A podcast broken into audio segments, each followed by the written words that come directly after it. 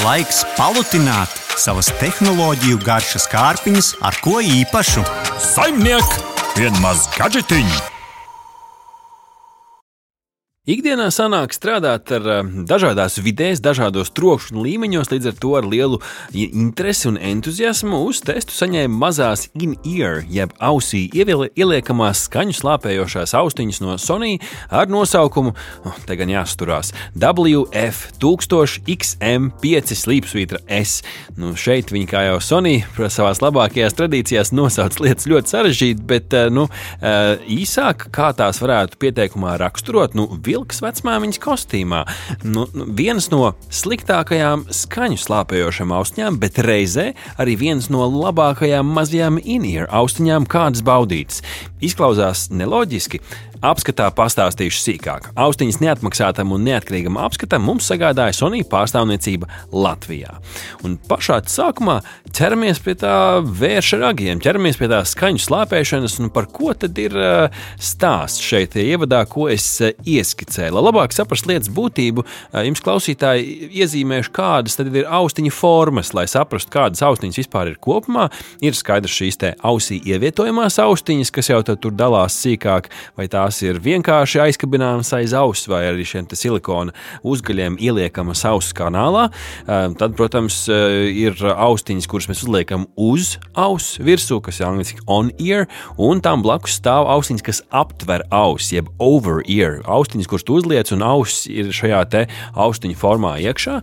Un tad, protams, ir vēl tādas nu, ekskluzīvākas uh, austiņas savā izpildījumā, kas ir atvērtā tipa, kas vairāk varbūt skaņu mēģina projicēt fiksēt uz ausi vai uz auss kaulu, bet tam jau šodien nepieskarsimies.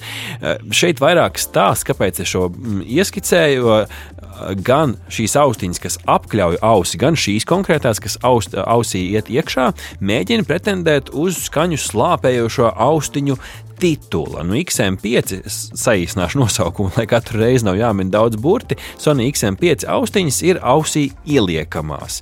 Nu, un tad eh, tālāk radās jautājums, kā tad eh, austiņas eh, šo skaņu slāpē? Nu, mēs paskatāmies uz tādu sarežģītāku skaidrojumu, tās vienkāršotā veidā, tās mēģina paņemt skaņas viļņus, kas ir apkārt, apgriezt to tavs pretēji, lai neutralizētu nu, to apkārtējo troksni. Savā ziņā ar skaņu cīnā, cīnās pret skaņu, nu, un trokšņa slāpēšana vislabāk darbojās aptuveni tad, kad apkārt skaņa ir nemainīga un zema vai vidēji toņu, toņu diapazonā, kad nav tādi spilgti sitieni, sitieni skaņas ziņā, nu tad tas strādā diezgan labi.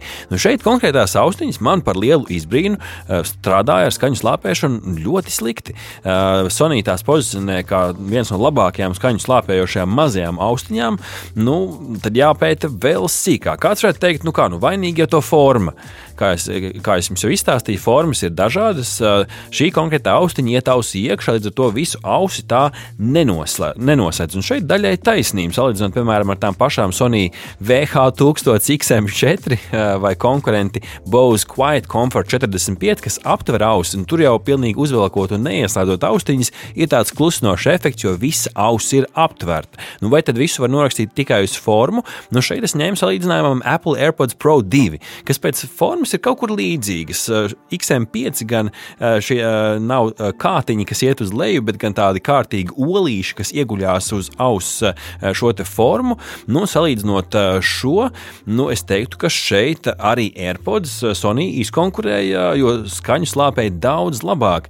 Nu, tā sajūta Apple AirPods Pro 2, protams, ir tā nedaudz aizbāzta sajūta. Nu, XM5 to skaņu tik ļoti, to auss tik ļoti neaizbāž, nav tā saspietības sajūta, bet arī skaņa iet daudz vairāk cauri. Un tad jautājums, kur tad šīs austiņas ir labas? Skaņa. Skaņa tomēr ir līmenī. Un šeit tas patīkamais stāsts arī sākās. Mūzika ir gan patīkama klausīties, gan podkāstu. Equalizers lietotnē var nodrošināt to, ka šo skaņu var arī pielāgot. Mūzikas skaņas ir bagātīgi sabalansētas, kā roka mūzika, tā basīga mūzika. Protams, basi ierobežot, jo austiņas pašas ir mazas, bet joprojām to izdara diezgan labi. Dziesmās patiesi labi var izteikt šo instrumentu spēli, vokāli arī izteikti. Nu, mūzika klausīties ir patīkami, bet apkārtējie trokšņi joprojām ir klāt esoši.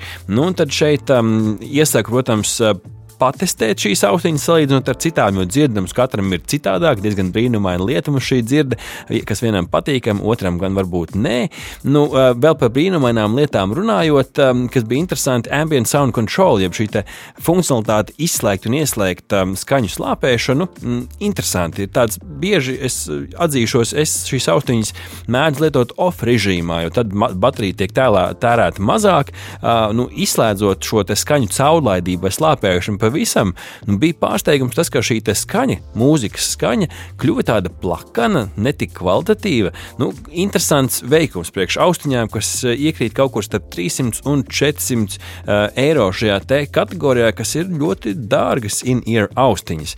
Nu, paskatīsimies vēl dziļāk, to veiktspēju un funkcionalitāti. Nu, šeit Protams, tās atta, attaisno savā ziņā to savu uh, cenu kategoriju. Baterija 8 stundas ar skaņas lāpēšanu.